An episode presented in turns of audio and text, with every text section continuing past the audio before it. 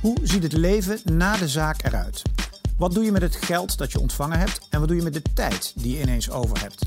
Vragen die veel ondernemers bezighouden die hun zaak gaan verkopen of dat willen gaan doen. Daarom deze serie interviews, waarin ik praat met mensen die hun zaak verkocht hebben. Over alle ups en downs waar ze mee te maken kregen en dingen die ze volgende keer anders zouden doen. Hij is partner bij Mark Link en vanuit die rol dagelijks bezig met ondernemers die hun bedrijf verkopen. Mijn gast in deze aflevering van Is er leven na de zaak, Tim van der Meer. Van harte welkom, Tim. Ja, laten we beginnen met zo'n zo'n verkooptraject. Hè? Schets dat eens. Hoe, Ja. hoe loopt nou zo'n heel traject? Dat is een, eh, Een hele een open vraag. Ja. Een korte vraag en er mag een lang antwoord op komen. Nee, kijk, bij ons komen eh, meestal ondernemers met concrete vragen. Ik heb de keus gemaakt, ik ben er klaar voor, eh, mijn bedrijf is er klaar voor en we, we gaan nu beginnen. Hè. Dus het, eigenlijk het voortraject is niet echt wat wij, wat wij direct zien. Eh, maar wij beginnen inderdaad met het, met het analyseren van de onderneming. We stellen een eh, informatiememorandum op. Soms laten we al een verkopers boekenonderzoek eh, uitvoeren. En we brengen de markt in kaart. Wie zijn de potentiële kopers? Ehm, wie, wie zouden dit bedrijf interessant kunnen vinden? En als we alle documentatie klaar hebben, gaan we ook daadwerkelijk de markt op. In eerste instantie anoniem. En proberen we partijen, potentiële kopers of investeerders... zover te krijgen om hun eh, interesse daadwerkelijk eh, te uiten bij ons. Zonder dat ze weten over welk bedrijf het gaat. In eerste instantie wel. eh, om vervolgens na het ondertekenen van een geheimhoudingsovereenkomst wat meer informatie te krijgen. En meestal proberen we in zo'n proces meerdere biedingsvoorstellen uit de markt te krijgen. Ehm, en soms zijn het dus inderdaad de strategische kopers, soms zijn het financiële kopers. En we merken dat op het moment dat je dat hebt, dat, je in een, hè, dat het echt lukt om, om meer dan 1, 2, 3, soms wel 10 biedingsvoorstellen te krijgen, dat je de regie in het proces houdt. Ja, dan wel. Want op het moment dat je die koper exclusiviteit eh, geeft in dat proces, ja, kantelt vaak het onderhandelings, eh, de onderhandelingsmacht. Ja. Eh, dus het is fijn om meerdere geïnteresseerden te hebben. Eh, nou, vervolgens leggen we zaken vast in een intentieovereenkomst. Gaat de koper zijn boekenonderzoek daadwerkelijk doen. Gaat zijn financiering ophalen en moeten de contracten worden uitonderhandeld. En zitten we bij de notaris. Dus vanaf het eerste moment tot aan het einde van koffie tot champagne. Eh, dus heel kort samengevat. Ja, maar, precies. eh, meestal zijn we daar een, een half jaar tot, eh, tot acht maanden mee bezig. Oké, en, en wat is jullie, even voor de duidelijkheid, hoe zitten jullie daar commercieel in? Wat is jullie businessmodel? Krijgen jullie dan een soort kickback op de deal? Of is het uurtje factuurtje? Of hoe werkt dat dan? Nee, wij werken meestal op basis van een succesfee, een succesvergoeding, afhankelijk van de, van de uiteindelijke dealwaarde. En we rekenen een kleine retainer fee ehm, eh, gedurende het traject, om ook echt het daadwerkelijke commitment te krijgen. Ja, precies. En wat zijn nou goede momenten om bij jullie aan te kloppen, zeg maar? Of- Oftewel, wat zijn nou redenen voor een ondernemer om te zeggen... hé, hey, ik ga mijn bedrijf verkopen? Ja. Nou, je hebt eigenlijk eh, twee typen verkopers, als je het heel grof eh, zou moeten opsplitsen. Dus een, nou, misschien drie. eh, de, de familieondernemingen waar uiteindelijk geen opvolging is. Eh, vaak zien we ondernemers die. ehm, eh, dus de tweede groep is het, de ondernemer die, die, die echt op basis van zijn leeftijd uiteindelijk eh, zegt van nou. Ik, en eigenlijk de grootste groep op dit moment zijn de ondernemers die nou, gemiddeld zo'n 45, 50 jaar oud zijn en zeggen: joh, ik heb dit nu 20 jaar gedaan. Of ik verkoop het, of ik wil nog één keertje eh, gas geven. eh, Ja. Een deel van mijn bedrijf verkopen aan een investeerder. Dus dat noemen we dan een pre-exit. Ja, En samen met die investeerder toewerken naar een definitieve exit. En dat is, verkoop je in feite twee keer je bedrijf. Hmm. En omdat eigenlijk ehm, nou, private equity als een, als een inter- interessante asset class wordt gezien, Hmm. is er ook veel geld naar eigenlijk de midmarkt gegaan. eh, waardoor er veel investeringsmaatschappijen zijn ontstaan. Die het ontzettend interessant en heel erg leuk vinden om eh, met die ondernemer, eh, met die familie, versneld eigenlijk het bedrijf te laten groeien. Om dan uiteindelijk inderdaad naar een definitieve exit te gaan na een aantal jaar. Wat is makkelijker om mee te werken? Familiebedrijven of eh, gewoon de, de zelfstandige ondernemer... die, eh, die niet eh, vanuit een familieconcept onderneemt? Nou ja, ehm, ehm, hoe minder eh, mensen er aan de touwtjes trekken in het beslisproces, hoe makkelijker het uiteindelijk is. Eh, maar ook de ondernemer die zelf onderneemt, heeft eh, vaak nog een echtgenote die meebeslist aan de keukentafel. Mhm. Eh, dus die moet je ook niet onderschatten. Eh, maar inderdaad, in, in processen waar, waar eh 15 stakeholders of 15 mede-aandeelhouders meebeslissen. Zijn het wel heel veel kikkers die, die in de kruiwagen moeten richting de, de uiteindelijke notaris. Ehm, dus vaak is het het, het makkelijkst. het is nooit makkelijk, maar ehm, het minst moeilijk om met een ondernemer die echt een plan heeft en echt zegt: dit wil ik doen, dit type koper past daarbij, of deze type, dit type past daarbij. Uh, en dat plan uiteindelijk uit te rollen. En hoe, hoe belangrijk is geld uh, als drijfveer eh, bij dit type uh, ondernemers? Want uiteindelijk gaat het vaak om grote bedragen. Mensen ja. worden vermogend als ja. de deal goed geclosed wordt. Ja. Hoe belangrijk is dat aspect? Heel belangrijk. Hè? Je, je, als ondernemer verkoop je producten. En uh, je hebt één keer de kans om uh, een van de belangrijkste producten in je bedrijf te kopen. Dat is dan toch het bedrijf. Mm. Dus geld is zeker uh, belangrijk. Toch zie je wel vaak dat de uiteindelijke koper niet de hoogste bieder in het proces was. Hè? Dus het is meer dan alleen geld. Het zijn voorwaarden, het is vertrouwen. En het is natuurlijk ook de, het idee wat je hebt. Hoe staat mijn bedrijf er bij deze koper over vijf jaar bij? Mm -hmm. Mhm. Dus het is absoluut een. Uh, ja, het, het, ligt heel veel gewicht in de schaal, maar het is niet de enige doorslaggevende factor. Zijn er ook ondernemers die bij jou komen waarvan je zegt: gast, uh, wieberen, die zeg maar, met de foute intenties langskomen? En, en zo ja, wat zijn dat dan? Of zijn, zijn, zijn er ook ondernemers aan te geven van je zegt: ja, maar die, die, die, moeten niet eens willen verkopen, want dat gaat toch niet lukken? Of uh, die zitten er op een foute manier in? Ja, kijk, je ziet soms wel uh, ondernemers dat je denkt, nou, je hebt heel snel dit bedrijf opgebouwd met de, met de conjunctuur uh, in je rug. Mm. Uh, en ehm, je hebt, of je hebt twee keer geluk gehad.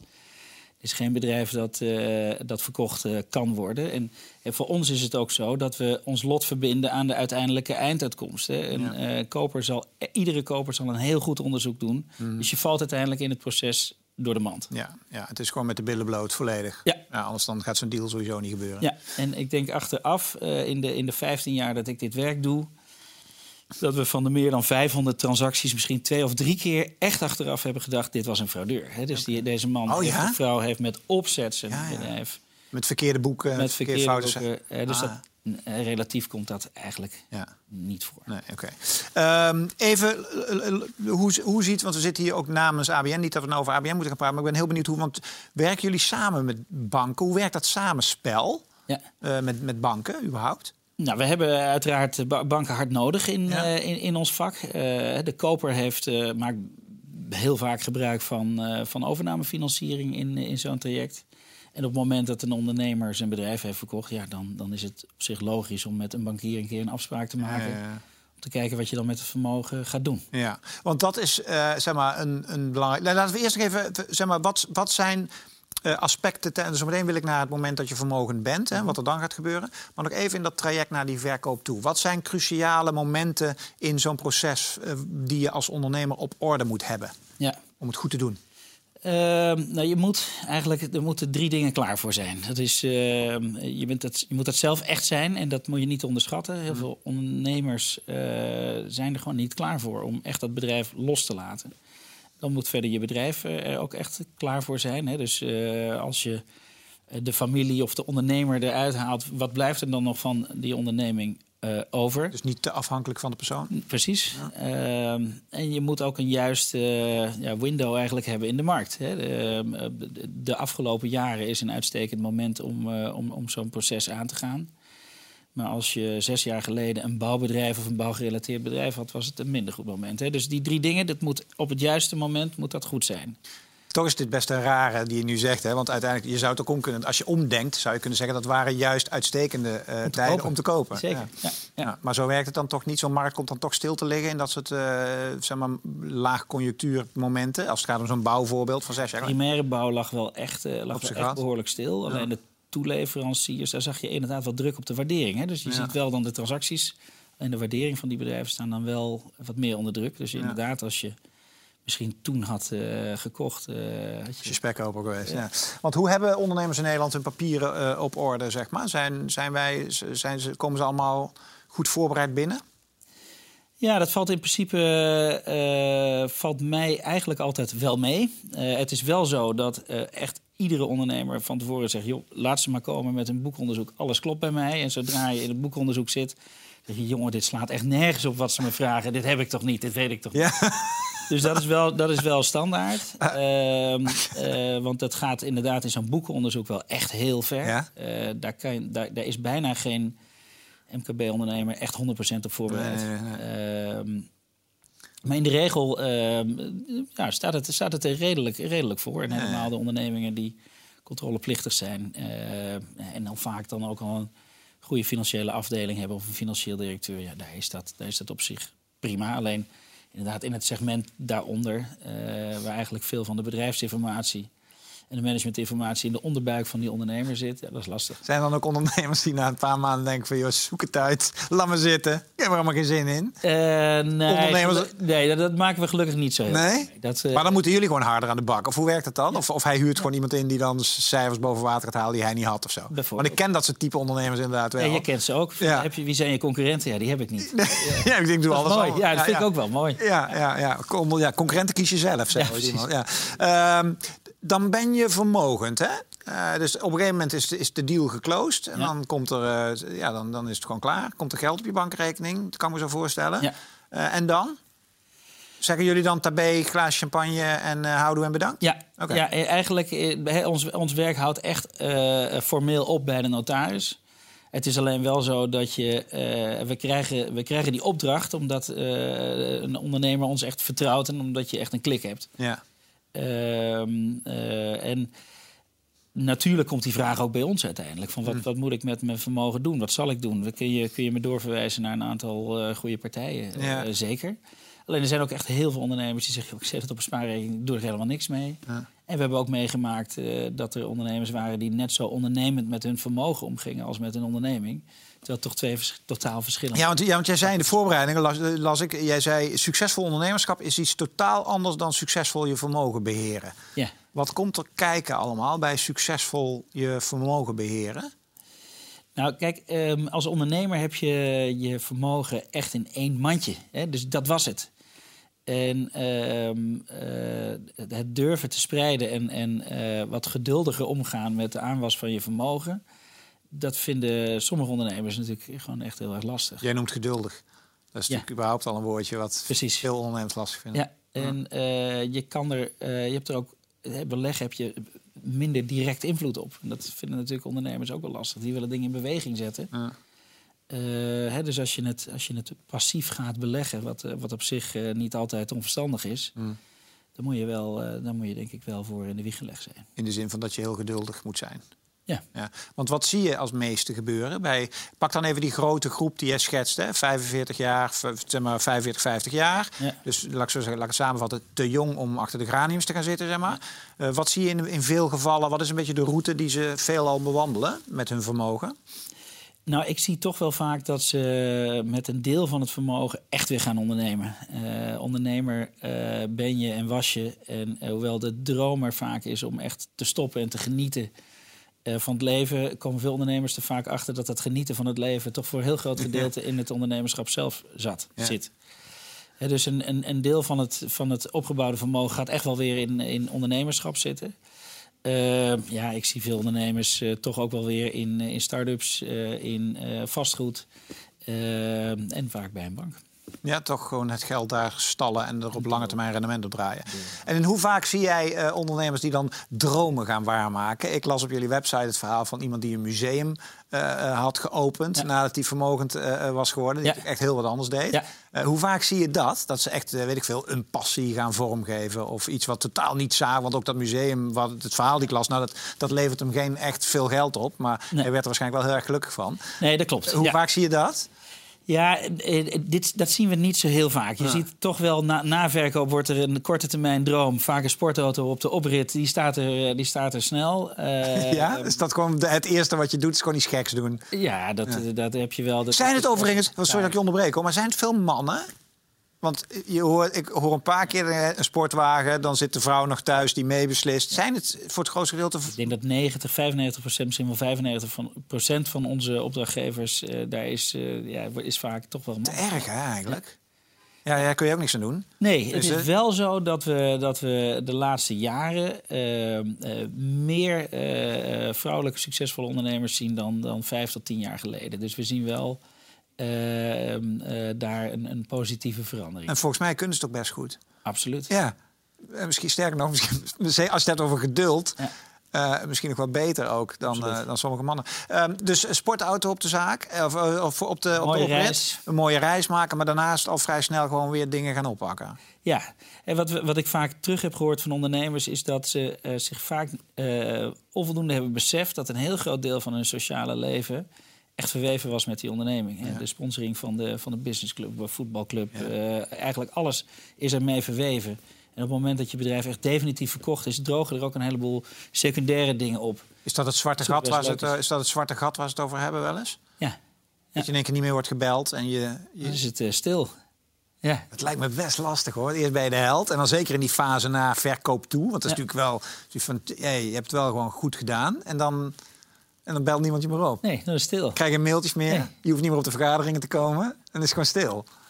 Ja, maar dan, hè, dus je ziet, je ziet veel ondernemers dan toch wel weer eh, of iets nieuws starten of zich inkopen weer in een bedrijf om hun Ja. kennis en ervaring daar weer in te zetten om een bedrijf weer naar een volgend niveau eh, te tillen. Ja. Eh, want ondernemerschap is gewoon ook leuk. Want betekent dat ook dat bij jou veel mensen werken die dit soort trajecten begeleiden, die daar ook verstand van hebben? Is dat belangrijk? Als jij dit soort gasten wil begeleiden, dan moet je geen, volgens mij geen theoretische knaapjes hebben bij jou die, die zeg maar, niet voelen wat zo'n ondernemer behelst, toch? Nee, dit is de, ehm, wat, ik, wat ik merk en wat ik zie is dat we ehm, zo'n beetje 80% van de mensen die, die bij ons echt dealmaker zijn, komen zelf uit een ondernemersgezin. En eh, be- begrijpen, denk ik, om die reden best goed wat een ondernemer drijft en wat hij belangrijk vindt. Eh, en juist eigenlijk wat ik net ook zei, je hebt, gaat zo'n intensief traject met elkaar aan. Dat het belangrijk is dat je over en weer begrip hebt. Dus ehm, ja, dat, dat zie je wel. Hey, nog twee vragen tot slot. Waar gaat het wel eens, waar gaat het als het misgaat? En dat bedoel ik niet als negatief einde, maar dat, van missers kunnen we leren, zeg maar. Als jij terugkijkt naar al die trajecten die jullie al gedaan hebben, wat zijn de momenten dat het misging en wat voor een lering kun je eruit trekken? In het traject zelf of daarna? Nou, in, de, in het traject zelf. Te hoge verwachtingen Ja? Eh, en een slecht plan. Dat zijn eigenlijk de allergrootste valkuilen die, je- die je hebt en, en eh, die, die je tegenkomt. Eh, te hoge verwachtingen in die zin. ehm, eh, Qua waardering. ja, Ja, hè, dus er zijn toch ook nog wel veel ondernemers die of de lat voor zichzelf eh, te hoog leggen. Of ooit een voorbeeld uit hun markt hebben gehoord. waarbij eh 15 keer de winst werd gehaald, of, eh, betaald. Dat moet ik ook. Ehm, en, en, en een deel van ons vak is ook het, ja, het managen van die verwachtingen. Eh, dus dat, dat is een valkuil. Of gewoon een slecht plan. Inderdaad, eh, waar, de eerste vraag van een koper is: waarom verkoop je je bedrijf? Wat, is, wat is het idee daarbij? Ja. En als dat niet helder is en als er niet een duidelijk plan ligt waar je bijvoorbeeld als je een investeerder zoekt met je onderneming naartoe wilt, Hmm. eh, dan is dat denk ik een hele grote valkuil waar je heel veel energie in, je, in, in zo'n proces kan steken. Eh, zonder dat je uiteindelijk tot een transactie komt. En waar ging het mis na eh, de, verkoop, zeg maar? Wat zijn daar de leringen, de, de, de, de learnings uit?